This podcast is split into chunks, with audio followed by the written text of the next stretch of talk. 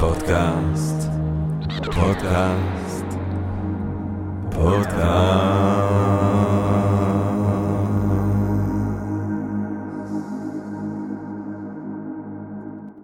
טוב, גבירותיי ורבותיי, ברוכות וברוכים הבאים לפודקאסט של Think and Ring Different, פודקאסט למי שואל לחשוב ולשתות. אני ג'רמי פוגל ואנחנו רוצים להודות לעצם היש. ליקום, לקיום, לכל מה שמאפשר לנו ברגע זה אה, להקדיש את עצמנו אה, להרחבת הדעת וללמידה ולסקחנות ולתענוגי רוח. איזה ברכה ואיזה תענוג, לא מובן מאליו בכלל, בכלל, בכלל, בכלל, בכלל, בכלל, בכלל. אה, היום... היום אנחנו רוצים לדבר על מוות, היום אנחנו רוצים לדבר על שעמום, היום אנחנו רוצים לדבר על דיכאון, על סבל, היום אנחנו רוצים לדבר על חוסר משמעות, על אבסורד, אנחנו רוצים לדבר על אה, אה, אה, פסימיות עמוקה וגורפת, אנחנו רוצים לדבר אני מניח שאולי ניחשתם על הפסימיות הקוסמית של ארתור שופנאור, גבירותיי ורבותיי. וכדי לדבר איתנו על הפסימיות הקוסמית של ארתור שופנאור, אנחנו אה, הזמנו כאן לאולפן הביתי של Think and Ring Different אה, אורח שתמיד נענה להזמנות שלנו, וכשאנחנו מבקשים שהוא יבוא הוא בא, והוא תמיד שמח לבוא, ואנחנו תמיד נורא שמחים שהוא כאן.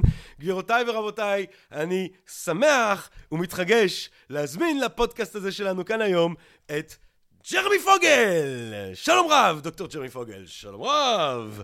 אה, האם דוקטור ג'רמי פוגל אתה תרצה לדבר איתנו על הפסימיות הקוסמית של ארתור שופנאואר? כן, אני אשמח, אז יאללה! ישר לווריד הצוואר, הפסימיות הקוסמית של ארתור שופנאואר, אבל אני מבטיח, אני כבר אומר uh, מההתחלה, כן, uh, שאני מבטיח שבסוף יש פתרון. בסוף יש פתרון, אבל בדרך יש פסימיות, אני לא אגיד שלא. אז באמת, הפסימיות הקוסמית של ארתור שופנאוך, כפי שאנחנו נראה בעוד רגע, אה, יש מעט פילוסופים אה, בהיסטוריה האנושית, אולי אפילו מעט אנשים שהצליחו להביע אה, פסימיות כה עמוקה, כה גם מרהיבה, מרוב שהוא פסימי בעיניי הוא כבר הופך להיות מצחיק, הוא סוג של סטנדאפיסט באיזושהי צורה, אבל אני שוב רוצה להתחיל בהבטחה שבסוף מתוך הפסימיות הזאת אנחנו כן נציע אה, לכולם אה, איזשהו סוג של פתרון. אז כמה מילים שהוא פתרון של ארתור שופנאור עצמו כמובן גם הוא מציע. ארתור שופנאור 1860 1788 האיש נולד בדנציק היום בפולין למשפחה עמידה אבא שלו איש עסקים אימא שלו סופרת אבא שלו אה, מת ב-1805 כבר, אה, כשבעצם אה, ארתור בן 17, כנראה שאבא שלו מת בהתאבדות, כן, כנראה שאבא שלו התאבד. הוא ילד רגיש, מנגן חליל בגיל צעיר,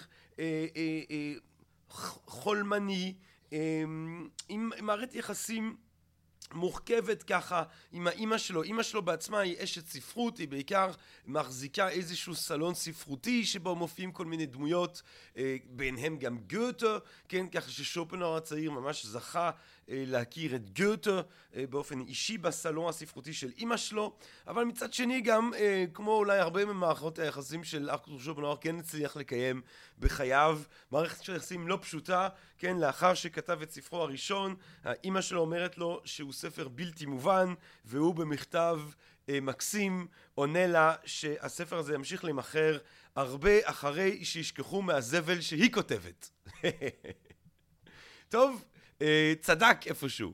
אה, לא יודע אם זה היה זבל, אבל זה לא נמכר, או בוא נגיד זה נמכר הרבה פחות ממה ששופנאור מצליח עדיין למכור בימינו אנו. אכטור מקדיש את עצמו ללימודים, ב-820 מתחיל ללמד בברלין, ושם המיזנטרופיה הזאת כן, שנאת האדם שלפעמים מאפיינת את החשיבה שלו אה, כבר בא לידי ביטוי אה, אולי באופן פרטיקולרי על הייגל, הייגל הוא הכוכב הגדול של הפילוסופיה הגרמנית אה, של אותם הימים בכלל, של האוניברסיטה בברלין בפחת, שופנאור לא סובל את האיש הזה שהוא רואה בו סוג של שרלטן, לכן הוא מציב את שעות ההוראה שלו בדיוק בשעות של הייגל עשרות, כן, הגל מפוצץ את אולם ההרצאות, אה, אה, רק חמישה סטודנטים טורחים אה, או מבריזים מהגל כדי להגיע לשופנאור. כן, בסוף כמובן הוא יפחוש אה, גם מהאקדמיה. הוא מעורב באיזשהו פרשייה מעניינת שתרדוף אחריו ככה רוב חייו או, או שנים רבות, אני לא יודע אם רוב חייו, כאשר איכשהו רב עם איזו אישה זקנה איזה שכנה זקנה שהוא דוחף אותה ואז היא נופלת ו- והיא נפצעת קצת ואז הוא צריך בעצם לשלם לה איזשהו סוג של סכום חודשי אה, כל חייו. אה, בעקבות הסיפור הזה בעקבות החולרה אה, אה, כן פנדמיה, כן, או, אז זה לא היה פנדמיה, זה פשוט היה מגפה אה, מקומית ונעימה כזאת של חולרה שפרצה שם ב-1831, אה, הוא עובר לפרנקפורט, כן, אה, כש... אה, כאילו כש, כשהאישה הזאת תלך לעולמה, אתם יודעים, זאת שהוא דחף, או הוא טוען שהיא הפילה את עצמה והיא תבעה אותו, בסוף הוא שילם לה 20 שנה, 20 שנה הוא שילם לה 60 טלרס לשנה. אז הוא כתב ככה באישור המוות שלה, שהוא כנראה קיבל, הוא כתב בלטינית, אוביט אנוס אביט אונוס. האישה המבוגרת מתה, איתה גם הלך הכובד, המשקל, כאילו. הוא חי בבדידות רבה עם, עם סדרת הפודלים שלו, אה, שכל אחד מהם קוראים לו אטמן, כן? אטמן, אה, אה, האטמן בתוך הברמן, כן, האטמן הוא הנשמה הפנימית העמוקה שלנו שמתאחדת בעצם עם הנשמה העולמית, כן, זה כבר סימן לבאות, אני אדבר על זה קצת בהמשך, אבל שופנאור הוא הפילוסוף המערבי הראשון אולי שבאמת לוקח ברצינות את המחשבה המזרחית, את המחשבה ההודית בפחת, שבאמת אוהב אותה, שמרגיש שהוא הגיע דרך קאנט למסקנות מאוד דומות, ושמאוד מעריך את החוכמה ואת הניחום שיש לתורות האלה להציע לאדם. אה, אה, לאותו אטמן, לפודל האחרון בסדרת האטמנים, הוא יעביר את עזבונו כשהוא ימות אה, בגיל 72 ב-1860. יש לומר ששופנאור רוב חייו לא זוכה לשום תהילה ספרותית, לשום עניין, אפילו הייתי אומר בולט מדי בספרים שלו, רק לקחת הסוף, ככה בשנים האחרונות סוף סוף הוא מקבל הכרה, סוף סוף הוא מקבל איזשהו סוג של כבוד סופרותי, ואז כמובן שהוא אומר איזה חבל שהדבר הזה הגיע בשלב שהוא כבר לא, אה, שכבר לא אכפת לי ממנו. עכשיו, שופנאור באמת ידוע כפסימיסט. אה, אה, גדול, כן, ובאמת יש לו אמירות, יש לו יכולת לזקק את הפסימיזם הזה שלו לאמירות כל כך כאילו מדויקות, לעקיצות קיומיות כאלה שהוא יורה לנו, שמרוב דיוק ומרוב אה, ייאוש, הם, הם, הם באמת סוג של הומור שחור כבר. משפטים נורא יפים שבו הוא כותב למשל, אה, אה, חי, חייב להיות שחיי אדם הם סוג של טעות. כן? לא רק שלא נבראנו, לא רק שאין איזושהי תכלית שאנחנו אמורים להיענות אליה, כן?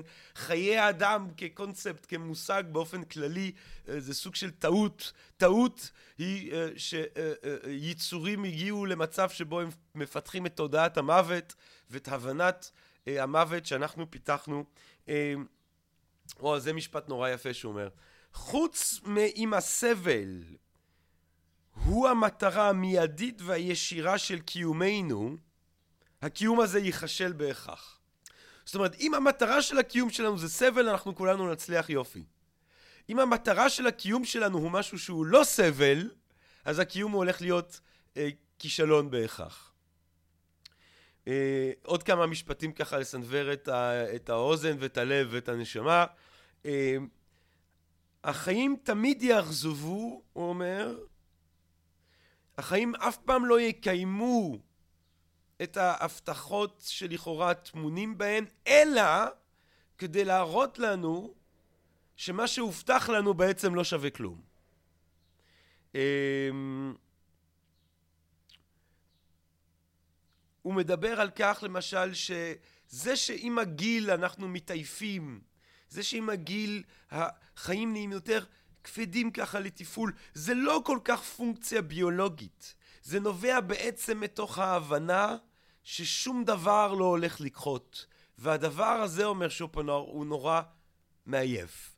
כן? במקום אחר הוא אומר, החיים הם כמו הצגה שראוי היה לראות אותה פעם אחת. הבעיה היא שעם השנים אנחנו רואים אותה שוב ושוב ושוב ושוב. אנחנו רואים את הדור הצעיר בא ומתבגר והדור הזקן הולך ואנחנו רואים את זה שוב קורה ושוב קורה ושוב קורה אה, ואז בעצם זה מאבד את כל הטעם. אה, הילדים שנורא רוצים להתבגר, נורא רוצים להפוך להיות אנשים בוגרים, כן? זה מתוך בורות מוחלטת. הם לא מבינים שהם הולכים להיות מוצאים לחיים כמו שאסיר מוצא להורג. אה, אז, אז זה ככה אה, כמה אמרות מתוך אה, פנינים פסימיסטיות רבות, אז הוא פסימיסט גדול, כן, הוא מיזנטרופ לא קטן, כן, הוא אומר כמו שילדה יכולה ליהנות מלדבר עם הבובה שלה למרות שאיפשהו ברור לה שהבובה שלה לא יכולה להבין אותה אה, ככה הוא אומר, אה, אני יכול למצוא איזושהי הנאה אה, מלדבר עם בני אדם, למרות שברור לי שהם בעצם לא מבינים אותי. אומרים שכשהוא היה יושב בארוחות בקנטינה של האוניברסיטה, הוא היה מביא מנה, צלחת בשבילו, וצלחת שהוא היה מושיב לידו כדי לוודא שאף אחד לא יתיישב לידו, כן? שופנאור היה עושה ריחוק חברתי לפני שזה הפך להיות מגניב.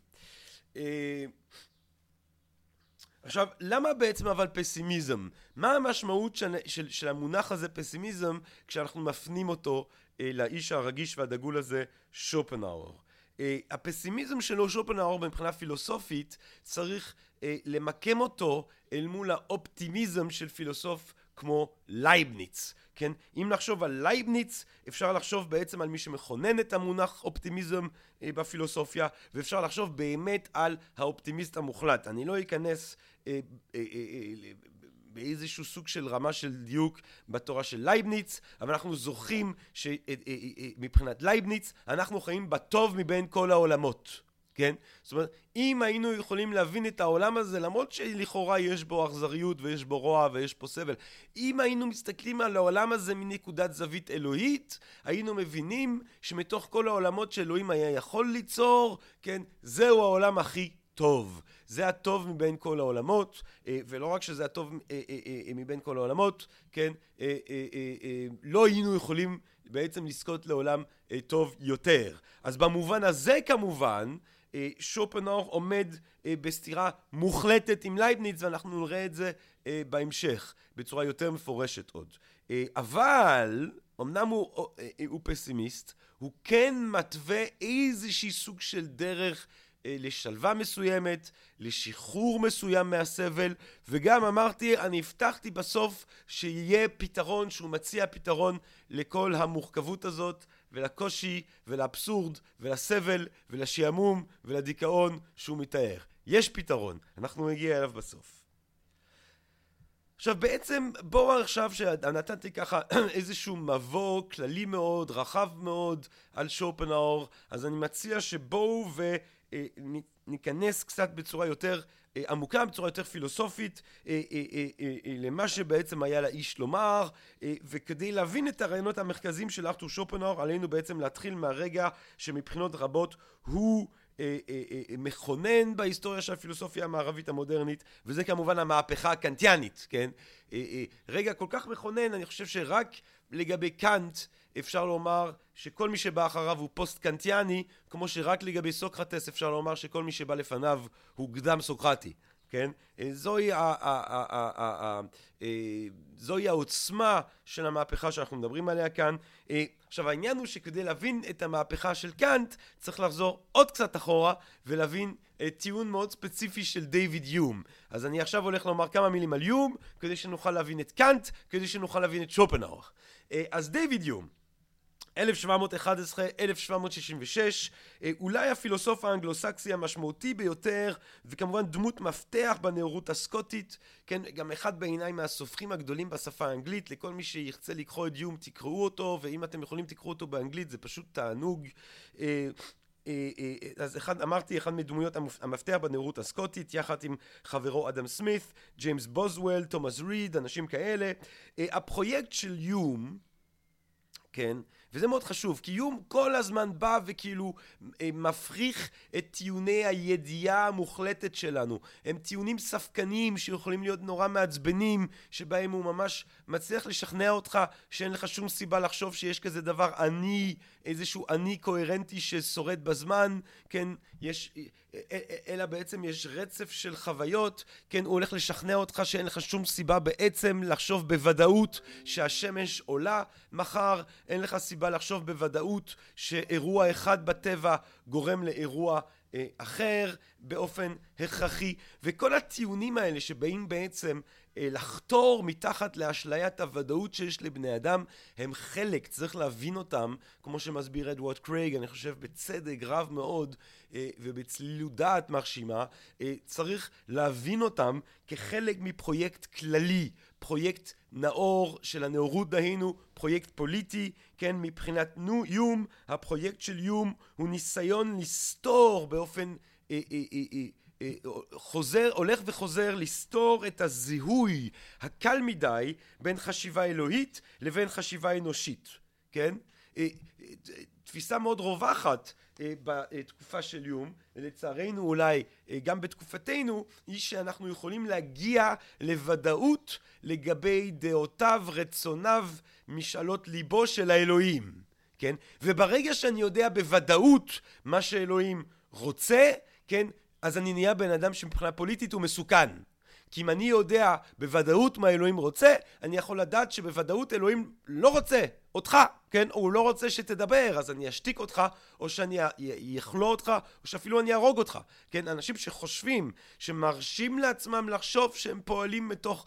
אה, אה, אה, ציווי אלוהי, אותו הם מבינים ויודעים בהכרח, הם אנשים שמבחינה פוליטית הם מסוכנים, ולכן בעצם יום מבקש אה, אה, אה, לסתור את עצם האפשרות, כן, בין זיהוי, בין חשיבה אנושית, שהיא תמיד פועלת בספירויות, גם אם בספירות מאוד מאוד מאוד גבוהות, אבל אף פעם לא בוודאות, אותה הוודאות שאנחנו מקנים לחשיבה האלוהית. או, אה, אה, אה, אז זה בעצם מה שהוא מנסה לעשות. אז הוא ינסה להראות שוב ושוב ושוב ושוב ושוב שאמונות מסוימות אה, לא מוסקות מחושינו, לא מוצדקות על ידי תבונה, כך שהן לא משקפות אותה מוחלטות אלוהית שאנשים מסוימים ומוסדות מסוימים כל כך אוהבים אה, לטעון לעצמם. אה, טיעון ספקני מרכזי של יום, וזה הטיעון שיעיר את קאנט, זה הטיעון שלו נגד הסיבתיות.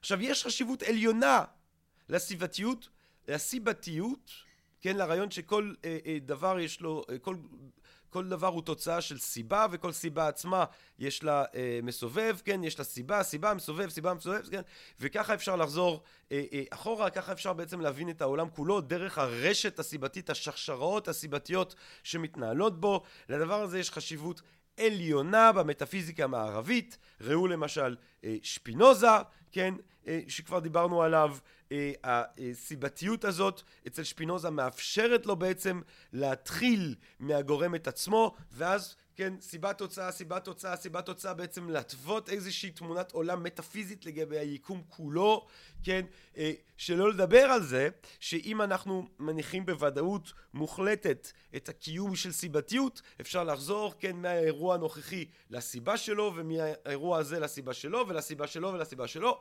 ובסוף אנחנו מגיעים, כן, אה, אה, למניע הבלתי מונע, לגורם את עצמו, כן, לאלוהים. אה, אז בזה שהוא בעצם הולך לפרק את הסיבתיות, הוא הולך לפרק את האפשרות שלנו לדעת בוודאות אה, מה קורה אה, מבחינה מטאפיזית, בעבר או בהווה, ואפילו מה שעלול לקרות בעתיד מבחינה מדעית, גם לגבי זה אנחנו יכולים, אנחנו לא יכולים לדעת ידע ודאי.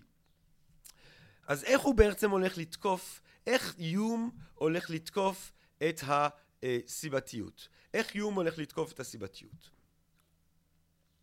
אז קודם כל צריך לזכור, יום הוא אמפיריציסט, זאת אומרת הוא חושב שכל ידע מגיע אלינו דרך החושים, כן? Our ideas reach no further than our experience, הוא אומר. עכשיו, השאלה שהוא ישאל אם כך, כן, הרעיונות שלנו לא יכולים ללכת מעבר לחוויה שלנו, אז השאלה שהוא ישאל זה, מהי בכלל החוויה שלנו של הסיבתיות? מהו בעצם, כן, הקשר ההכרחי המסתורי הזה, כן? מהי הסיבתיות? מהי החוויה הרלוונטית שיש לנו, שממנה אפשר להסיק את הקיום של הסיבתיות בהכרח.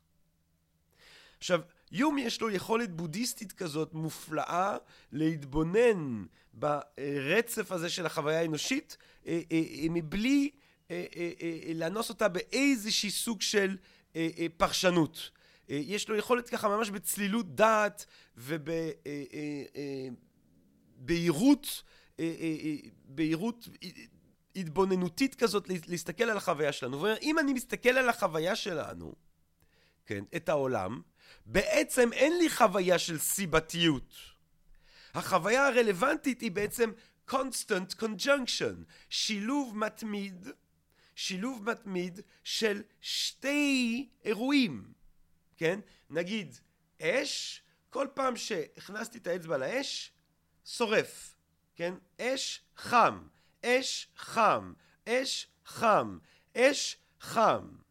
עכשיו, בגלל שיש את השילוב המתמיד הזה בין האש לבין חוויית החום, אנחנו באים ואנחנו אומרים, האש גורמת לחום. אבל אין חוויה של סיבתיות. אנחנו פשוט מניחים בגלל שאנחנו רגילים לחוות את האש ואת החום ביחד, שיש קשר הכרחי ביניהם. אבל אם מחר אני אכניס את האצבע שלי לאש, ויהיה קר, למי אני אתלונן? האם יהיה לי חוויה של סיבתיות אחרת? לא, יהיה לי את אותה חוויה. כי אין לי חוויה מלכתחילה. אין לי חוויה של סיבתיות מלכתחילה. מלכתחילה החוויה היא לא של סיבתיות, אלא של שילוב מתמיד של שני האירועים. עכשיו, עמנואל קאנט, כן, ש...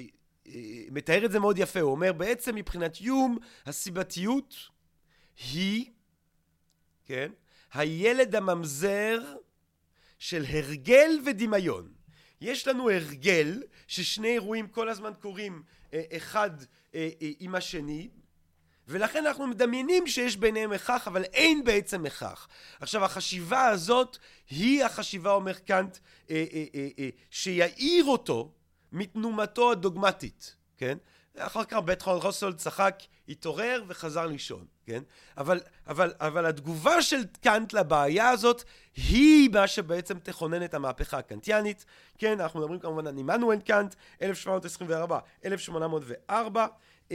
קאנט בעצם הבעיה הזאת של איום על הסיבתיות הוא מבין, הוא מפנים עד כמה שהיא הרסנית לפילוסופיה כפי שהכרנו אותה עד אז, לפילוסופיה שמרשה לעצמה לעשות כל מיני היסקים אה, מטאפיזיים כאלה גרנדיוזיים על בסיס של סיבתיות ועל בסיס של אה, גורם את עצמו ועל בסיס של אה, המניע הבלתי מונע שהוא הסיבה הראשונה לכל הדברים וכל מיני סוגים של חשיבה כאלה שטמון ביניהם הנחת הוודאות לגבי הסיבתיות, והנה באיום ומפוצץ את ההנחה הזאת, אז בעצם הלך עלינו באיזושהי צורה, קאנט אה, הלך עלינו המטיפיזיקאים, וקאנט הולך בעצם לחשוב מחדש את כל הסיפור הזה, והתשובה של קאנט לאיום היא אחד מהרגעים הגאוניים בהיסטוריה של הפילוסופיה, והיא רגע בעצם שתשנה אה, אה, מחדש לחלוטין את ההיסטוריה של הפילוסופיה המודרנית. וקאנט הולך להגיד דבר כזה בעצם.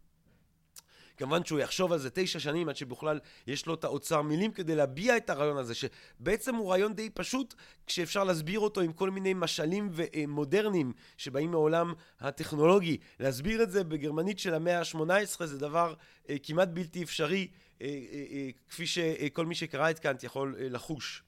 אה, קאנט בעצם הולך להגיד דבר כזה, יום צודק, יום צודק שאי אפשר מהחוויה להסיק שיש סיבתיות בעולם כפי שהוא כשלעצמו. אבל טועה שאי אפשר להסיק אותה בכלל. אפשר להסיק את הסיבתיות, לא, זאת אומרת אי אפשר להסיק שהיא קיימת בעולם כשלעצמו, אבל אפשר להסיק שהיא חייבת להתקיים בעולם כפי שאנחנו חווים אותו. היא חייבת להתקיים בעולם כפי שאנחנו חווים אותו, כי אנחנו בעצם המנגנונים שמייצרים לנו את התודעה, מכניסים אותה לעולם כפי שאנחנו חווים אותו. זאת אומרת, קאנט בעצם אומר שיום טועה לגבי טיב החוויה. יום מצייר את החוויה כאילו שהיא איזשהו מסך לבן עליו אתה מקרין את המציאות החיצונית באופן פסיבי, כן? החוויה היא אינפוט. Uh, יש עולם חיצוני שמשתקף בחוויה ואז אני מתבונן על החוויה ואני יכול להשיג דברים על העולם החיצוני כמו למשל זה שאין בו סיבתיות. אבל אומר אה, קאנט, כן, כי, כי אין לי חוויה של סיבתיות אז אין גם סיבתיות, אה, ב, אין סיבתיות הכרחית בעולם כפי שהוא כשלעצמו. אבל אומר קאנט, הוא טועה כאן לגבי האופן שבו הוא מתאר את החוויה. החוויה היא לא אינפוט, החוויה היא אאוטפוט.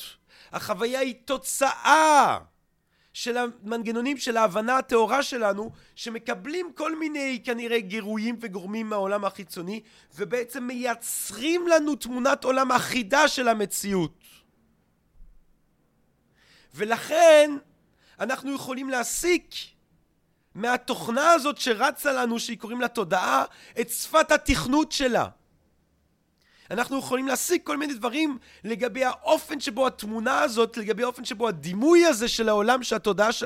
ש... שהיא התודעה שלנו, שהמוח שלנו מייצר לנו את אותו דימוי של העולם שהוא התודעה שלנו, אפשר להסיק ממנו את התנאים ההכרחיים לעצם היווסדותה של התודעה. התודעה שלנו תמיד תדרגם לנו את המציאות כתופעה סיבתית. גם אם היא סיבתית או גם אם היא לא סיבתית כשלעצמה, זה לא משנה. לנו היא תמיד תהיה סיבתית, כי סיבתיות תמונה בשפת התכנות של התוכנה הזאת שאפשר לחשוב עליה כאל תודעה. כאן בעצם, אם תרצו, מבדיל כאן בין העולם כפי שהוא כשלעצמו, הנומנה, לבין העולם כפי שאנחנו חווים אותו, העולם הפנומנולוגי, כן? אז את העולם כפי שהוא כשלעצמו הוא מכנה נומנה, לגביו בעצם אין לנו שום אפשרות לדעת שום דבר. אנחנו לא יכולים לדעת שום דבר על הנומנה. הבעיה של הפילוסופיה, אומר קאנט בתחילה במבוא לביקורת התבונה הטהורה, היא שכולם נאבקים עם כולם וזה שדה כחף לעומת המדעים האחרים, זה שדה כחף שבו אין התקדמות וכולם נאבקים עם כולם. למה? כי כולם עוסקים בעולם כפי שהוא כשלעצמו ואין לנו שום אחיזה בעולם הזה כי אנחנו לא נוגעים בו. יש לנו רק נגיעה לעולם כפי שאנחנו חווים אותו, לעולם הפנומנולוגי. עכשיו, זה לא כלום. מהעולם הפנומנולוגי, מהעולם כפי שאנחנו חווים אותו, אפשר להסיק כל מיני היסקים לגבי מה שחייב להיות בהכרח נכון ותקף לנו, לא כי זה מתקיים בעולם כפי שהוא כשלעצמו, אלא בגלל שהם הם, הם, הם, הם כאילו שפת התכנות של התודעה האנושית. דברים כמו מתמטיקה למשל, כן? אה, אה, אה, אנחנו בהכרח חווים את העולם באופן זמני. תמיד אצלנו אנחנו נחווה את העולם בתוך רצף של זמן. עכשיו, יכול להיות שיש זמן, יכול להיות שאין זמן בעולם כפי שהוא כשלעצמו, אבל אנחנו תמיד נחווה את העולם באופן זמני. עכשיו, מה זה זמן? זמן זה מהאריתמטיקה. 1, 2, 3, 4, 5, 6, 7, 8, 9, 10, זמן, כן? באותה צורה גיאומטריה. יכול להיות שיש בעולם מרחב, יכול להיות שאין בעולם מרחב. אנחנו בהכרח תמיד נחווה את העולם כמתקיים במרחב. ולכן גיאומטריה חייבת להיות תקפה לנו, הוא חשב.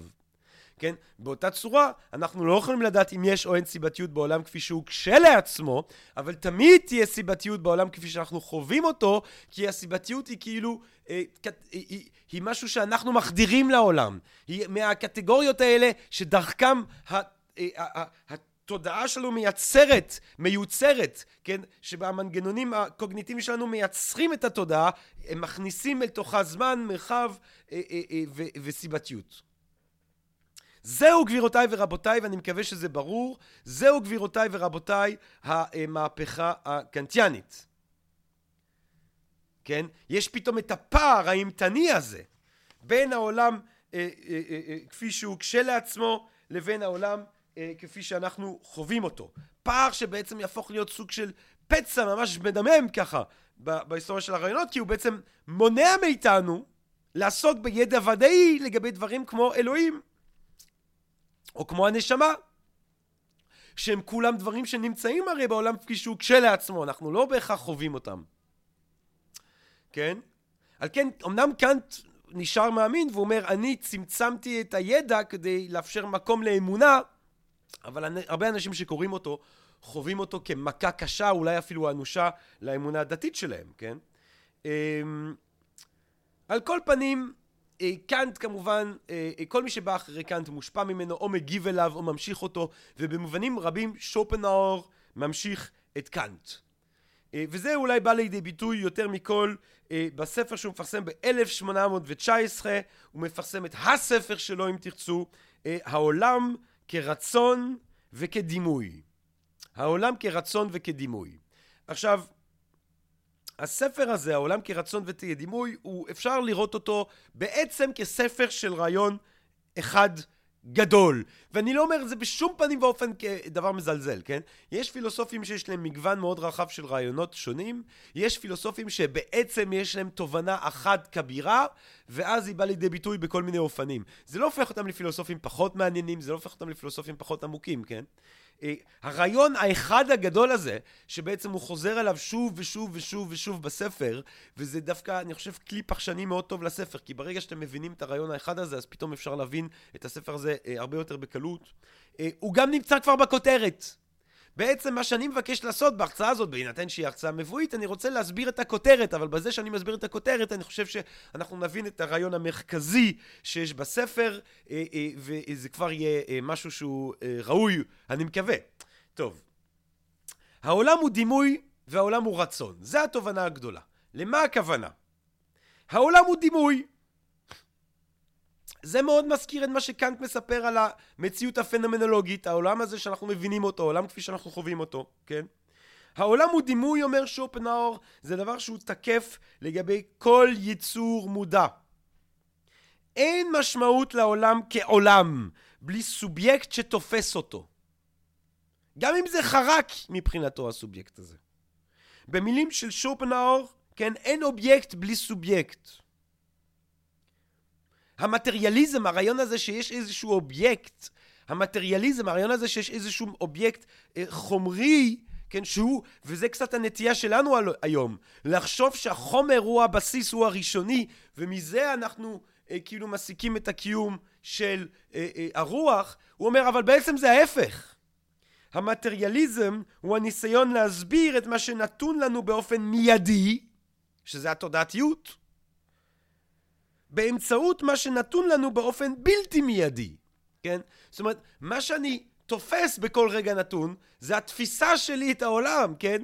ומזה אני מסיק שיש חומר, אבל אני לא בעצם תופס, תופס חומר, אני תופס את הדימוי שלי, את העולם ואת החומר. זה הדבר המיידי, זה הדבר הראשוני. העולם הוא דימוי. המדע, גם המדע עוסק רק בדימויים. כן, היא מרחיבה את הדימויים, היא מגדילה את הדימויים, אבל היא נשארת בתוך הסדר הסיבתי, טוב, אנחנו לפני מכניקת הקוונטום כמובן, אבל היא נשארת בתוך ההקשר הסיבתי, כן, היא נשארת בתוך העולם הדימויי, כן? עכשיו, לבני אדם אין רק דימויים של תפיסה, לבני אדם יש גם יכולת תפיסה מופשטת, מושגית, שמקורה בתבונה, וזה כן מבדיל את הדימוי שיש לנו מהדימוי שיש כנראה לבעלי חיים אה, אחרים. אה, אנו בני אדם, הוא אומר, במובן הזה חיים חיים כפולים. במוחשי אנחנו סובלים ומתים כשאר החיות. במופשט יש לנו יכולת להתבונן. כאילו אנחנו גם השחקן וגם הקהל. זה דרך מאוד יפה, אני חושב, לחשוב את המצב האנושי. אז זה מה שבעצם הוא אומר על העולם כדימוי, כן? העולם הוא תמיד גם בהכרח דימוי, כן? אה, העולם הוא קודם כל פנומנולוגיה, זה קאנט, זה פשוט להמשיך את קאנט. העולם כדיבוי במובן מסוים זה המשך והרחבה אה, והגות שמבוססת על התובנה ההיא של קאנט. אממה, העולם כרצון, שופנאור עושה צעד נוסף. צעד מהפכני, צעד, צעד מרהיב, צעד גאוני אולי, והוא אומר את הדבר הבא. בעצם אבל זה לא סוף הסיפור. אנחנו לא יכולים להסתפק רק מאפיון של העולם כדימוי. אנחנו נאלצים גם לשאול את שאלת העצם של הדברים. כן, האם העולם רק דימוי? האם העולם הוא מעין חלום, מעין הולוגרמה כזאת, מעין רוח רפאים? האם אין שום דבר כשלעצמו, יש משהו כשלעצמו, ומה אם כן הדבר הזה יכול להיות שהוא העולם כשלעצמו, העולם שקאנט לכאורה נעל את הדלת אליו? ריסן אותנו מלהגיע אליו בכלל, מלקוות להגיע אליו. עכשיו, קאנט בעצם אמר, כן? למה אי אפשר להגיע לעולם הזה כשלעצמו? כי אנחנו אה, אה, אה, אה, אה, יכולים לדעת אותו רק דרך התפיסה שלנו אותו. אנחנו לא יכולים לדעת אותו מבפנים. אנחנו לא יכולים לדעת, לדעת את הדבר הזה כשלעצמו מבפנים. אנחנו רק תופסים אותו דרך התפיסה שלנו אותו. אבל פה שופנור אומר שקאנט פספס דבר אחד מאוד מאוד גדול. אנחנו לא רק מחוץ לעולם, אנחנו גם עולמיים. אנחנו לא רק סובייקטים יודעים, אנחנו גם אובייקט בתוך העולם. זאת אומרת, יש דבר אחד שאנחנו יכולים לתפוס אותו, גם דרך הדימוי שלנו, אבל גם אנחנו יכולים לתפוס אותה מבחינה פנימית, מבפנים, וזה הגוף שלנו, כן? זה אנחנו עצמנו. הגוף שלנו, אנחנו עצמנו, זה משהו שאנחנו כן יכולים לתפוס מבפנים. זה דבר שקיים, שאנחנו גם יכולים לתפוס בדימוי שלנו, אבל זה גם משהו שאנחנו חווים מבפנים. וזה כן יכול לתת לנו הצעה למה קורה שם בעולם כשלעצמו, אם אתה מבין אותו מבפנים. מבחוץ, כאמור, גם הגוף שלנו הוא דימוי, אבל מבפנים, במיידי, במוחשי, מה אנחנו מגלים, חושב שופנאור, כשאנחנו מתבוננים בעצמנו מבפנים? אנחנו מגלים הצצה לעולם כרצון. והנה לנו החלק השני של הכותרת. העולם כרצון. ומזה הוא מסיק שכל אה, אה, העולם כדבר כשלעצמו הוא רצון. הכוח שמוביל אותי לקום בבוקר, הכוח שמוביל את הצמחים לצמוח, כוח הכבידה, כל אלה, כל אלה וכל האחרים הם בעצם רצון, תחשבו על הרצון כסוג של אולי המילה הזאת אנרגיה, כן? הכוח, העולם כשלעצמו, אם אנחנו יכולים להגיד עליו משהו, מהחוויה שלנו את הגופניות של עצמנו, הרי שאנחנו יכולים להגיד עליו שהוא אה, אה, רצון. כן? הרצון הזה זה כוח עיוור, אילם, שאין בו שום דיפרנציאציה, מרק אנרגטית כללית כזאת, שפועמת בצורה עיוורת, וזה הדבר שגורם לג'וק הזה נורא לרצות להמשיך לחיות גם אחרי שהוא איבד כבר אה, אה, חצי גוף, כן? אה, אה, זה הדבר שגורם לצמחים האלה לרצות לצאת מתוך האדמה, או אפילו מתוך הכביש, כל דבר רוצה לחיות, כן?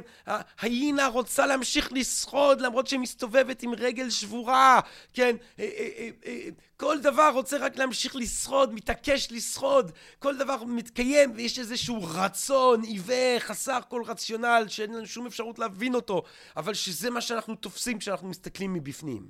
אין לנו יכולת לחשוב, אומר שופנאור, שום דבר שהוא לא או רצון או דימוי. כן? העולם שלנו לכן, הוא אומר העולם כדימוי והעולם כרצון, כן? זה בעצם התובנה הגדולה הזאת. העולם כרצון וכדימוי, אה, בכותרת יש את התובנה הענקית הזאת של שופנאור. החיים והמוות הם עוד ביטוי של הרצון אליו אנחנו שותפים ויש נחמה מאוד גדולה בכך, אנחנו חלק מהמסה הנצחית הזאת ובכל רגע נתון, כן, במובן הזה יש רק הווה. הרצון, הדבר הזה מתקיים בהווה מתמיד. אין מי שחי בעבר, אין מי שחי בעתיד. ההווה קיים תמיד, והריכוז בהווה מאפשר סוג של חיי נצח במובן הזה, כן? ופה אנחנו כמובן מרגישים את האופן שבו הרעיונות האלה ששופנור מגיע אליהם דרך קאנט אבל דרך כאן בסוף הוא מגיע למקום שמהדהד מאוד את תורות אה, מן המזרח, כן, אנחנו זוכרים את הפודלים שלו, האטמן, האטמן בתוך הברמן, אה, אה, זה רעיונות שמן הסתם שכשהוא יקרא אותם הוא נורא נורא יתלהב כי הוא מרגיש שסוף סוף מישהו מדבר במונחים ובשפה שגם הוא אה, הגיע אליהם. עכשיו הדימוי, בוא, אני רוצה להציע עוד כמה מחשבות על העולם כדימוי וכרצון ואז אני רוצה לראות אה, איך זה מוביל, לאיזה מסקנות קיומיות זה מוביל את שופנאור. הדימוי הוא כמובן, אה, הוא כמו כן שטחי, כן? הוא האשליה במובן מסוים, כן? הדימוי הוא פלח דק מאוד של הבנה ושל ידיעה שבעצם שוכן על אוקיינוס אין סופי, ענק בגודלו, אין סופי בגודלו, של אי הבנה, של אפלה מוחלטת. בגלל זה אנשים הרבה פעמים רואים בשופנאור את ההתחלה של הפילוסופיה העכשווית שהיא פילוסופיה של חשד שמתחת לטקסט יש משהו אחר לגמרי שמתחת למודע של פרויד יש את התת מודע הרצון, כן, במובן הזה מקדים את התובנה של פרויד לגבי החשיבות של הלא מודע. מה שבעצם מפעיל אותנו בעולם הזה, זה לא, הרצ... זה לא העולם כדימוי, הפלח דק הזה, זה כוחות אינסופיים ענקיים, האוקיינוס האפל הזה של הרצון שעליו אנחנו שתים, אה, אבודים לחלוטין.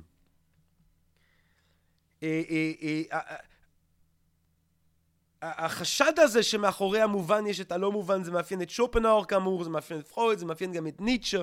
הלא מודע הוא המניע. אנו במודעתנו שכבה דקה מאוד של בהירות שרוכן על ים אינסופי אפל ולא נודע. כן? מה שפרויד מכנה הארוגנטיות של המודע. הארוגנטיות הזאת שחושבת שאנחנו פועלים מתוך מניעים מודעים, שיש לנו שליטה על המניעים האלה באיזשהו אופן. שום דבר, אנחנו פועלים מתוך הלא מודע, אומר פרויד, אנחנו פועלים מתוך אה, הרצון הזה, ש, כן? שזורק אותנו לעולם וגורם לנו לפעול בו. מה שמניע, בקיצור, הוא הרצון העיוור הזה. זה, והרצון הזה זה עולם ללא גבולות, ללא אינדיבידואציה. הסיבתיות, הסדר, כל זה חק רל, חק, אה, אה, אה, רק חל העולם כדימוי, הרציונלי והבהיר. העולם כדימוי הוא בדיחה ממש אל מול הרצון. זה כמו איזה נייר דק על מסה אינסופית של כוחות במאבק נצחי. אין שם שום חופש. אנחנו כמו בקבוקון באוקיינוס. עכשיו, כן, שהבנו קצת מה זה העולם כדימוי, מה זה העולם כרצון, בואו ונבין איך בעצם שופנור מסיק את ההיסקים הפסימיים האלה שלו מתוך הדבר הזה. אז למה הפסימיות, ופה אני עוקב אחרי הצגת הדברים של לוק פרי, שאת ההרצאות שלו אה, אה, אני מעריץ, אה, והייתי אולי פשוט מפנה אתכם לראות את ההרצאה שלו על שופנאור, אבל לא בהכרח כולם יודעים צרפתית, אז לפחות אה, אני לא רק מחקה אותו, אני גם מבצע איזשהו שירות אה, אה, לקהל הדובר העברי של תרגום. טוב, אז למה האבסורד? העולם הזה אבסורדי, כן? ברגע שאתה מבין את זה, שהעולם כרצון וכדימוי, אתה מבין שהעולם הזה הוא אבסורד, שהוא ללא סיבתיות, ללא משמעות, ללא אפשרות אה, להבין. הילד המעצבן עם שאלת הלמה, הוא תמיד ינצח. כאילו כל דור אנחנו יכולים להציע תשובה לעוד למה, לעוד למה, לעוד למה, כן? למה השמיים כחולים? ולמה למה לא אפשר, ולמה זה? אבל תוך שלוש, ארבע, למה אנחנו במקום שאנחנו יודעים ואנחנו לא יודעים? ואם בדור הבא אז מישהו יצליח איזה גאון, יבוא איזה איינשטיין, ירחיב את המדע באופן שיהיה אפשר לענות על עוד למה, אז מאחורי זה יהיה עוד למה. הלמה הגדול שמאחורי כל הלמאים שאנחנו מצליחים לענות, הוא למה אין סופי יותר גדול, הוא אין סוף למה, כן? זאת אומרת, תמיד בסוף זה מוביל לאי הבנה.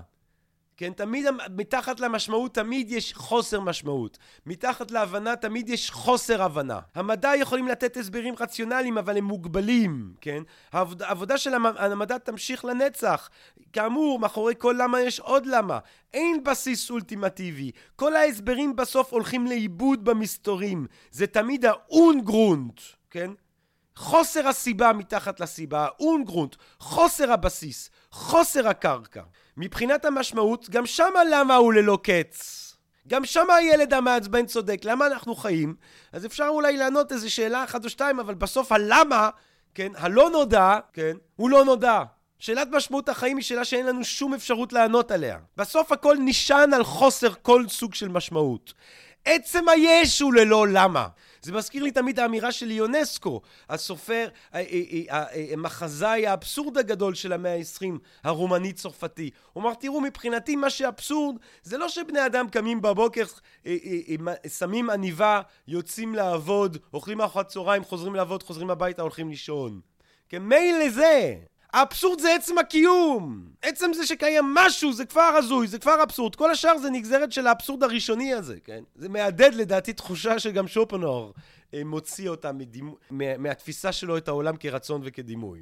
אז, הסיבה, אז, אז למה הוא פסימי? בגלל שהחיים שלנו בהכרח אבסורדים, אין לנו שום, בהכרח אין לנו שום אפשרות בסופו של דבר להבין אותם ולענות לשאלת הלמה. סיבה נוספת שהוא פסימי זה שאלת הסבל, כן? יש נטייה בהיסטוריה של הפילוסופיה להניח, כן, הפילוסופים האופטימיים, מניחים שכאילו הסבל הוא שלילת הטוב, שהסבל הוא ההיעדר של טוב, זו תפיסה נאו-פלטונית כזאת. כל הקיום ככל שדבר קיים יותר הוא יותר טוב כן האידאה של הטוב זה הדבר שקיים הכי אה, אה, שקיים בצורה הכי ממשית ו, ו, וכל דבר שקיים בעצם אה, נובע מתוך הטוב ואז האי קיום זה מה שאנחנו מכנים רע, כן? למשל, החור בגרב. חור בגרב זה דבר רע, אבל למה זה דבר רע? כי זה חוסר של גרב, הגרב זה טוב, החור בגרב זה חוסר של גרב, כן? למה עיוורון אה, זה דבר רע? כי זה חוסר של ראייה, כן? זאת אומרת, כל דבר רע הוא בעצם היעדר של טוב, זה סוג של אי קיום. הדבר הפוזיטיבי שקיים, אומרים האופטימיסטים, זה הטוב. הדבר ה... הרוע זה אי קיום. אבל שופן אומר זה ההפך! ההפך המוחלט! איך אפשר להסתכל, להתבונן בעולם הזה, ולהניח שבעצם הדבר הפוזיטיבי שקיים בו זה הטוב, וההיעדר של טוב זה סבל? זה ההפך, זה ההפך המוחלט! מה שקיים באופן אובייקטיבי בעולם הזה, אה, אה, מה שקיים באופן ראשוני, באופן, סליחה, לא אובייקטיבי, פוזיטיבי בעולם הזה, הכוח המניע, זה סבל! תשוו, הוא אומר, את הסבל של הזברה שנאכלת על ידי האריה עם העונג של האריה. האריה כאילו לרגע הוא, הוא, הוא יש לו עונג, יומיים שלושה הוא מבסוט עם הבטן שלו, ואז הוא שוב בסבל הנורא של הרעב, הוא צריך שוב לאכול. לעומת זאת, הסבל, חו... הסבל של הזברה היא אינסופית, היא הקץ המוחלט של סבל. תסתכלו, באמת, אני, אני בזמן האחרון, יש לי קטע כזה שאני רואה תוכניות טבע כל הזמן. אתה, אה, מה אתה לא רואה שם? היינס נגד האניז עצמם, והאריות שרוצחים את האריות, וכולם רוצחים אחד את השני, ומלחמת הישרדות נוראית ואכזרית, וחיה שפתאום נופלת, ואז היא, היא משותקת, ואז היא זוחלת, היא רוצה להמשיך, ואה, אוכלים אותה! ולא סתם אוכלים, אתה רואה את ההיינוס האלה, כשהם אוכלים, הם לא סתם, הם, הם לא סתם אוכלים, הם אוכלים אנשים בעודם חיים! הם מתחילים לאכול להם את, ה, את המעיים, אתה רואה את הגנום מסתכל על ההיינה, אבל אומר, אבל מה קורה כאן? לפחות תהרוג אותי לפני שאתה מתחיל לאכול אותי בשם האל! כן, זאת אומרת, אם אתה מסתכל על הטבע, אתה לא רואה איזושהי הרמוניה מדהימה כזאת, נצחית, סימפוניה של הטבע. אתה רואה מאבק אכזרי, מלא של סבל, רווי בסבל, מאבק הישרדותי נורא, כן? הג'ונגל זה לא אקונה מטאטה של המלך האריות, איזשהו סדר נפלא, זה סדר שמושתת על סבל, סבל נורא איפה שאתה לא מסתכל, זה הדבר הפוזיטיבי, אם כבר בעולם שלנו. אנשים שנולדים ומתים מרעב, ומחלות, ודיכאונות, וכאב, והשפלות, ואכזריות, זה מה שקיים. היעדר של זה, היעדר של זה זה טוב. עכשיו, אגב, יש משהו גם מאוד משחרר בגישה. יש משהו מאוד משחרר בשופנאו בכלל, כי... הוא משחרר אותנו מהצורך כל הזמן להיות אופטימי. להגיד, לא, הכל טוב, בסדר, אני, אני חזק. לא, הוא אומר, לא, הכל מצב חרא, מצב... אה, אה, אה, המצב בקאנטים, כן? זה מאוד משחרר. אבל יש גם עוד משהו משחרר. ברגע שאתה תופס את הטוב כהיעדר של סבל, אה, אז אתה גם משתחרר מהתפיסה הנוראית הזאת, וזה גם אפשר לראות לתפיסה הזאת בפילוסופיה בסיס אצל אפיקורוס, גם אצל רוסו, שהאושר זה ההיעדר של סבל, כן? ברגע שהאושר, אה, או שהרוגע זה ההיעדר של סבל, אז אתה משתחרר מהתכתיב הנורא הזה, שהוא תכתיב מאוד אה, רווח בחברה שלנו, שצריך להשיג את האושר, צריך למצוא את האושר, צריך לחפש את האושר, כן? צריך להסתובב בעולם ולחפש את האושר, ובין השורות צריך לרכוש את האושר, כן? צריך לקנות מלא מלא דברים שאני לא צריך להם כדי להיות מאושרים. אני צריך להפוך את עצמי בכסף אה, אה, אה, אה, לנער בן 25 למרות שאני בן 60, כי רק אם אני אראה צעיר אני אהיה מאושר. כל השטויות האלה אתה משתחרר מהם, כי אתה מבין שכל מה שאתה צריך בעצם זה להסיר ממך, או לנסות לקוות להסיר ממך את מה שמפריע לך, וזה בעצם אה, תפיסה שבעיניי היא הרבה יותר משוחררת. תפיסה ש, שגם מאפשרת, אני חושב, אה, התמקדות בה, ו, ופה, סלחו לי על ההפוגה האופטימית דווקא, אבל זה גם משהו שיש אצל שופנאור, כאילו ברגע שאתה מבין ששום דבר לא הולך לקחות, וש, וש, וש, והיסוד המניע הוא, הוא, הוא סבל דווקא, אז, אז בתוך הכאוס הזה, בתוך, בתוך התובנה של עד כמה שהמצב הוא בעצם חמור, אז דווקא הרגעים הקטנים של אושר, איזה רגע קטן, איזה כוס יין לבן במרפסת, איזה רגע פה ושם, איזה רגע של, של נחת, של אדנח, הצלחת, אה, פתאום יש, יש גם נקודת זווית שממש מהללת ומאפשרת להלל ומאפשרת ממש להעריך את התענוגות הקטנים שלפעמים אנחנו כן זוכים אליהם, אז, אז, אז גם את זה צריך לומר. על כל פנים, האוקיינוס הזה של, ה, של, של החיים שלנו הוא אוקיינוס של סבל. עכשיו, מילא עולם אבסורדי וכיפי, כאילו מילא היינו נזרקים לעולם שבו אין משמעות, יש למה אחד גדול, אבל כיף לנו כל הזמן. זה מארוחות ו- ואורגיות ולמידה והרחבת התודעה והשחאה וחברות ואחווה אנושית וכיף גדול, ואז אתה נולד ואתה מת ואתה אומר, טוב, בסדר, נולדתי, מתתי, אבל איזה כיף, יואו, מילא אם היה עולם כזה. מילא אם היה עולם משמעותי עם סבל, אז בסדר, אנחנו סובלים ונאבקים ונלחמים, אבל יש איזושהי משמעות, יש איזושהי מטרה. אבל המצב הוא שאנחנו בעולם גם עם סבל וגם חסר משמעות. כי אנחנו בעולם שבו גם אם אנחנו מאזנים בעצם, אנחנו מבינים שהסבל הוא הכוח המניע בעצם, הסבל הוא הנוכחות האמיתית, וגם אין משמעות. אז מה זה הדבר הזה? כן? מן הסתם שזה אבסורד מוחלט. אז פסימיות, א', כי העולם אבסורדי, השאלות שלנו אף פעם לא תהיה להם בעצם תשובה, גם שאלת משמעות החיים. ב', בגלל שהעולם הזה הוא קודם כל עולם של סבל, אה, אה, וג', אה, השעמום. השעמום. שופנר אומר דבר כזה. תראו, או שאתה, ההיגיון הנוראי של הרצון, ופה אתם כמובן תזהו רעיונות בודהיסטיים, ההיגיון הנוראי של הרצון הוא כזה ש... או אתה רוצה משהו ואין לך אותו, ואז אתה מתוסכל, כן? ואז כשאתה משיג אותו, אתה כאילו מיד רוצה משהו אחר. מדהים. האמת זה מדהים. אני ממש גם זוכר שבדקתי את זה על עצמי. היה תקופה שכל מה שרציתי זה לסיים דוקטורט, לסיים דוקטורט, לסיים דוקטורט. וממש התעניינתי ברגע שאני אגיש את הדוקטורט, תוך כמה זמן כן, אני כבר לא אהיה שבע רצון ואני ארצה משהו חדש, אני ארצה משהו אחר, כן? וזה לקח לי כמה ימים. אה, היו לי כמה ימים של חסד, זה כן, אבל אה, אה, אה, אה, אתה רוצה נורא נורא נורא נורא נורא משהו, אתה אומר יאללה, רק לקבל את זה, רק את זה, אתה מקבל אותו, אתה מיד רוצה משהו חדש, כן? ואתה שוב מתוסכל. או שאתה כבר בעצם לא רוצה כלום, ואפשר היה לחשוב שאז אנחנו נגיע למצב של שלווה, אבל לא. אנחנו מגיעים למצב של שעמום, כן? חוסר שביעות רצון אה, מוביל אותנו תמיד להתמקד בעתיד, תמיד אני רוצה משהו עתידי. לרוב כשאני משיג אותו אני מיד רוצה משהו אחר, אבל בסוף אני משתעמם. בסוף אפילו דון חואן משתעמם. במובן הזה אומר שופנור, לו היה לנו הכל, היינו מרחיבים את העולם מתוך שעמום. שזה אגב הגדרה מצוינת. למה ש... טוב, בוא נראה מה קורה באמת אם תקופת הקורונה תשנה את זה. אבל עד לקורונה אני, אני חושב שההגדרה הכי טובה למה שקרה בעולם זה ההגדרה הזאת של שופנור. מרוב שעמום אנחנו הורסים את העולם, כן? אנשים מצביעים אה, אה, באומה החזקה בעולם לאדם שהפיג להם את השעמום בטלוויזיה, שישע אותם בטלוויזיה, ומצביעים בשבילו מתוך שעמום, ומתוך שעמום הוא ואנחנו כולנו בעקבותיו, כן, הורסים את העולם. אנחנו אה, מרוב שעמום חייב שכל בית יהיה לו שלוש טלוויזיות וארבע מחשבים ושתי מכוניות וצריכה חסרת אחריות שהורסת את העולם אבל אם היא מפיגה לנו קצת את השעמום מדי פעם אנחנו הולכים על זה כי מרוב שעמום אנחנו הורסים את העולם ו- ולכן גם כאילו שופנהאואר לוקח ממש במ...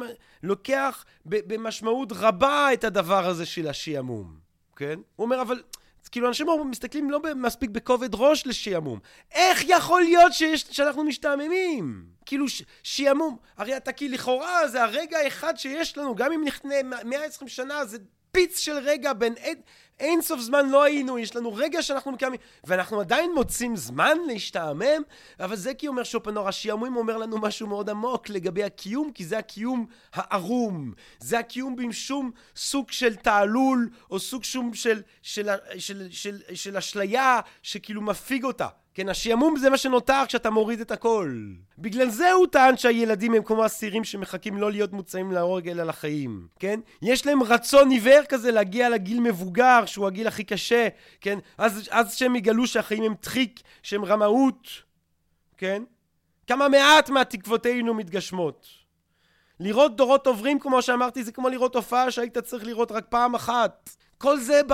השעמום הזה הוא כאילו סימפטום של המלז, של חוסר האפשרות של לחיות אה, חיים שהם לא בתוך האבסורד והסבל והפסימיות הזאת של שופנאו. אז זה בעצם... אה, אה, זה הפסימיות של שופנאור, שחלק מהסיבות לפסימיות הזאת זה האבסורד שדיברנו עליו, אי אפשר אף פעם להבין אה, הלמה הגדול תמיד יותר גדול מכל למה הקטן שיכול להיות, אה, הסבל, והשעמום, כן, כל אלה הם בעצם חלק מהדברים שבעקבותיהם שופנור הוא פסימיסט, כן? עכשיו, עכשיו אבל הבטחתי ואנחנו אה, ככה לקראת סיום, אז אני הבטחתי ואני אקיים גם, אה, הבטחתי אה, אה, לדבר על הפתרונות שהוא מציע שופנור, כי אמרתי שבסוף גם יש פתרון. איך לברוח מהעריצות הנורא הזה של הרצון העיוור הזה? אז קודם כל, הנחמה הגדולה והעילאית שיש לנו בעולם הזה זה מוזיקה. יש מוזיקה, יש אומנות. האומנות היא נחמה, היא נחמה גדולה. כשאנחנו רואים סרט טוב, כשאנחנו נתפסים על ידי קטע מוזיקלי מרהיב, כשאנחנו לרגע מאבדים את עצמנו בציור, או בשיר, או ברומן, אז לרגע אנחנו זוכים להשהות את הרצון. לרגע אנחנו כאילו לא בתוך העריצות שלה. לרגע אנחנו נושמים מחוץ למים. השעיית הרצון זה המתנה הגדולה, העילאית שהאומנות עושה לנו. כן, שימו לב, אל מול ניטשה, כן, שניסה, שראה בשופנאור מורה רוחני דגול, הוא המורה שלו, אבל הוא ניסה בעצם לחשוב איך אתה משופנאור הולך למקום של חיוב חיים, חיוניות, אמירת כן לחיים, ו- ובעצם מתגבר על הפסימיות הזאת. אז אצל ניטשה, האומנות היא, וגם על זה אה, דיברנו ואתם מוזמנים לשמוע, בשביל ניטשה האומנות היא עודף חיים, חיזוק חיים, כלי לאמירת כן לחיים. בשביל שופנאור היא השעיית הסבל, לרגע, כן? פתרון נוסף, אבל זה פתרון ששופנאור חושב שהוא רק למעט מעטי אנשים, הוא הפתרון של הנזירים הבודהיסטים, כן? להתנ... גם בבודהיזם, האמת האצילית הראשונה, כן? אה, אה, אה, בודה הרי מדבר, ושוב, אני, כל הזמן זה מרחף כאן עד כמה שהתורה ההינדואיסטיות של האטמן בתוך הברמן, כן, הדימוי בתוך הרצון אם תרצו, או, או אטמן זה לא דימוי, אבל הפנימיות שלנו בתוך האנרגיה האינסופית הזאת של העולם, כן, עד כמה שזה בא לידי ביטוי ועד כמה גם שהתובנות של בודה המואר כן, הערני, אה, גם הם באים פה לידי ביטוי. בודה סיכם את התורה שלו בצורה מאוד פשוטה בעצם, ארבע אמיתות אצילות של, של הבודהיזם, כן? אחד, אה, אה, יש סבל, כן, דוקה, יש סבל, יש חיים, יש סבל, כן? זה בודה אה, מספר בצורה מאוד יפה כשהוא מסביר על אישה שאיבדה את הבן שלה והיא באה אליו ומתחננת שומעת שהוא איש קדוש אנא, אנא ממך אה, תחזיר את הבן שלי לחיים אני לא יכולה עם הסבל הזה זה בלתי נסבל תחזיר את הילד שלי לחיים והוא אומר לה אני אוכל להחזיר את הילד שלך אה, בחיים כשתתני לי גרגר של חר, גרגיר של חרדל מתוך בית שאין בו סבל והאישה הולכת בית בית בית בית מחפשת בית שאין בו סבל כדי לבקש ממנו גרגיר של חרדל ואז כמובן היא מגיעה למסקנה שאין בית בלי סבל, כן? אה, אה, יש סבל, האמת, האמת הראשונה, אה, גורם הסבל הוא ה-attachment שלנו, ההאחזות שלנו בדברים, הוא הרצון הזה שלנו להשיג דברים שכל הדברים בעצם בהכרח הם ברי חלפה והם עתידים לברוח מאיתנו. ויש שחרור מהסבל, וזו האמת השלישית, יש שחרור מהסבל בהרפייה מן הרצון, ואז יש, האמת הרביעית, זה דרך שמונת העקרונות, כן, שחשיבה אה, נכונה, המדיטציה וכולי וכולי וכולי, שהם הכלים שהבודהיסטים אה, מציעים לנו כדי בעצם להשתחרר מהסבל, במילים של שופנאור, להשתחרר מהרצון. אבל הפתרון הנזירי הזה, של בעצם להתנתק מהרצון, אה, מרצון, אה, הוא פתרון נורא נורא נורא אה, קשה, נורא מאתגר. רק מעט מעטי אנשים יוכלו באמת לקבל אותו. רק מעט מעטי אנשים יוכלו באמת לאמץ אותו. רוב האנשים יהיו... יכוו את חייהם מוכתבים על ידי האנרגיה העיוורת הנצחית חסכת האני הזאת שהיא הרצון, כן? רוב האנשים לא פועלים באופן רציונלי, אומר שופנאור. אין שום דבר רציונלי בעצם בנישואים או בלעשות ילדים, כן? לכפור על אנשים את החיים האכזריים האלה בעולם הזה. אין בזה, כן? אה, בדיוק קרא, קראתי לא מזמן על, על, על, על, על האיש בהודו שתובע את ההורים שלו על, על, על לידתו. מניח שגם שופנהאור היה תובע את ההורים שלו אולי על לידתו.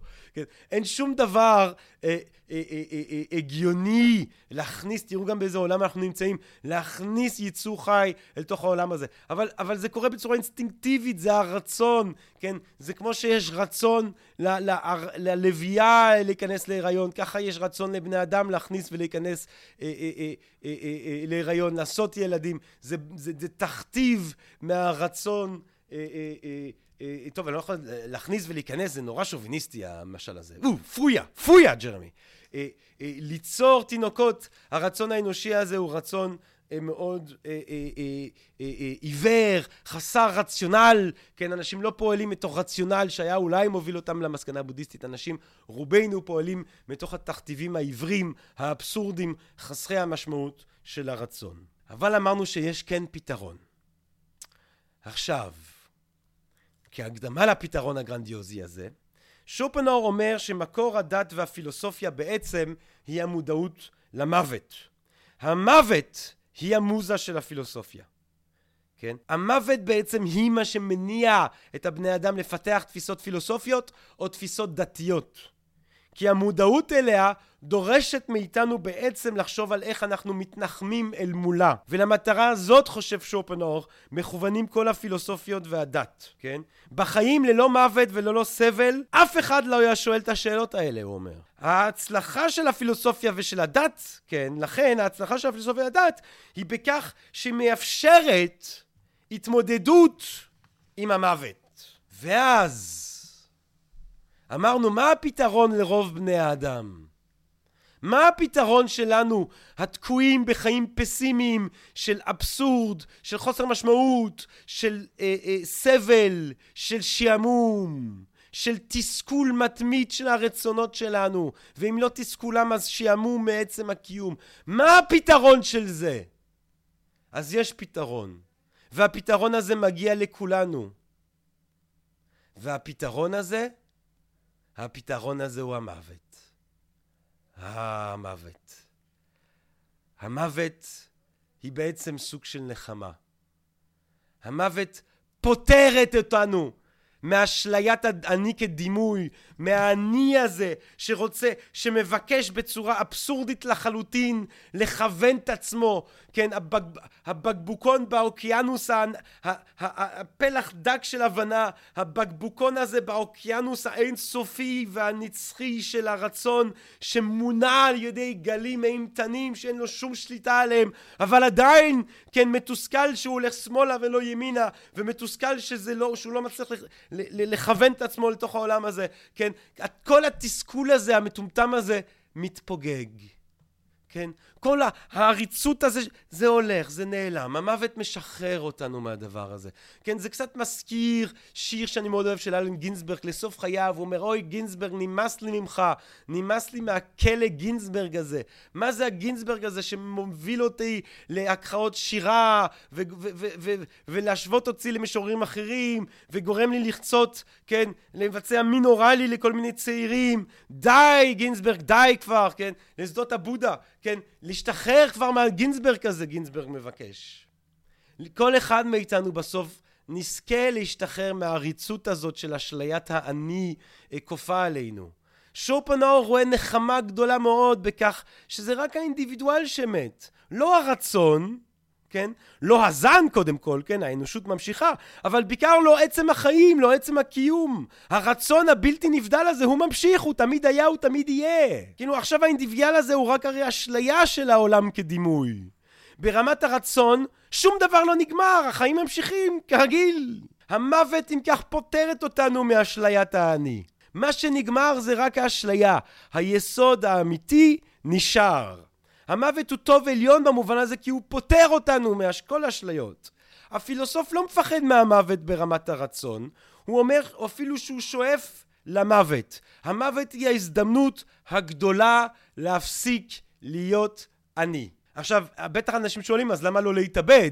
אז שופנור יש לו מסה קצרה על התאבדות, שבו קודם כל אומר, סליחה, אבל קודם כל באמת בוא נירגע עם, ה, עם השיפוט הנורא, הדבילי, הילדותי הזה, שיש לדתות אה, אה, אה, על התאבדות. זה, כן, זה כמו ששופטים חיילים על ניסיון התאבדות כי הם פגעו ברכוש צה"ל, אז ככה שופטים בני אדם על התאבדות כי הם, הם, הם פגעו ברכוש של אלוהים. שום דבר.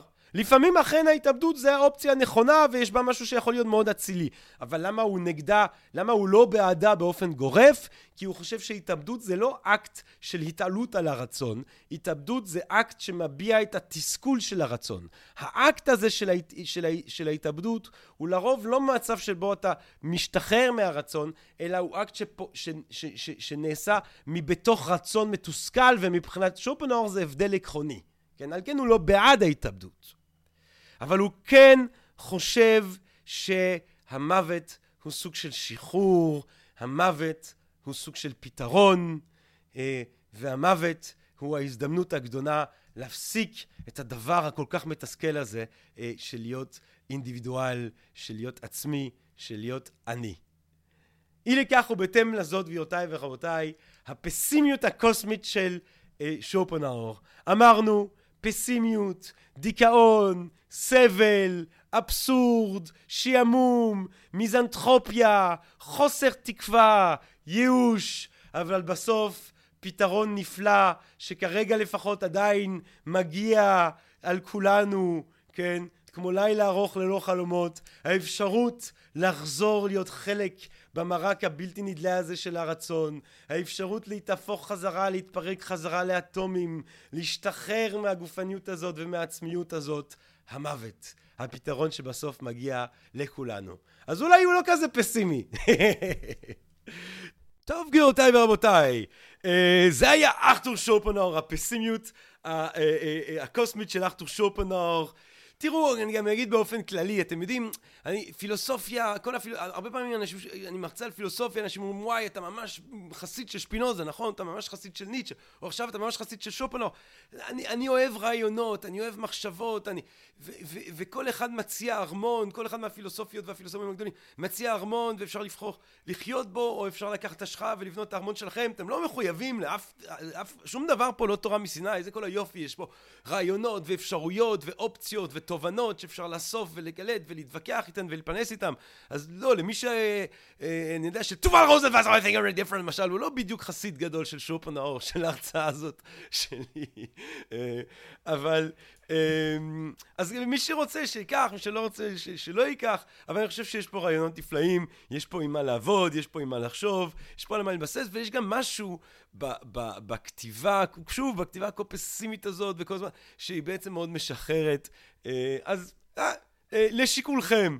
אה, על כל פנים, אני מקווה שאתם בטוב, לא משנה איפה שאתם, אני מקווה שאתם אה, נהניתם מהפודקאסט הזה, מהפודקאסטים שכבר הקלטנו, מהפודקאסטים שבעזרת השם אנחנו נמשיך להקליט. אני מאחל לכם רק טוב. שלום, שלווה וכוונות טובות, בריאות, בריאות, בריאות, אהבה רבה, ונשתמע. פודקאסט, פודקאסט, פודקאסט.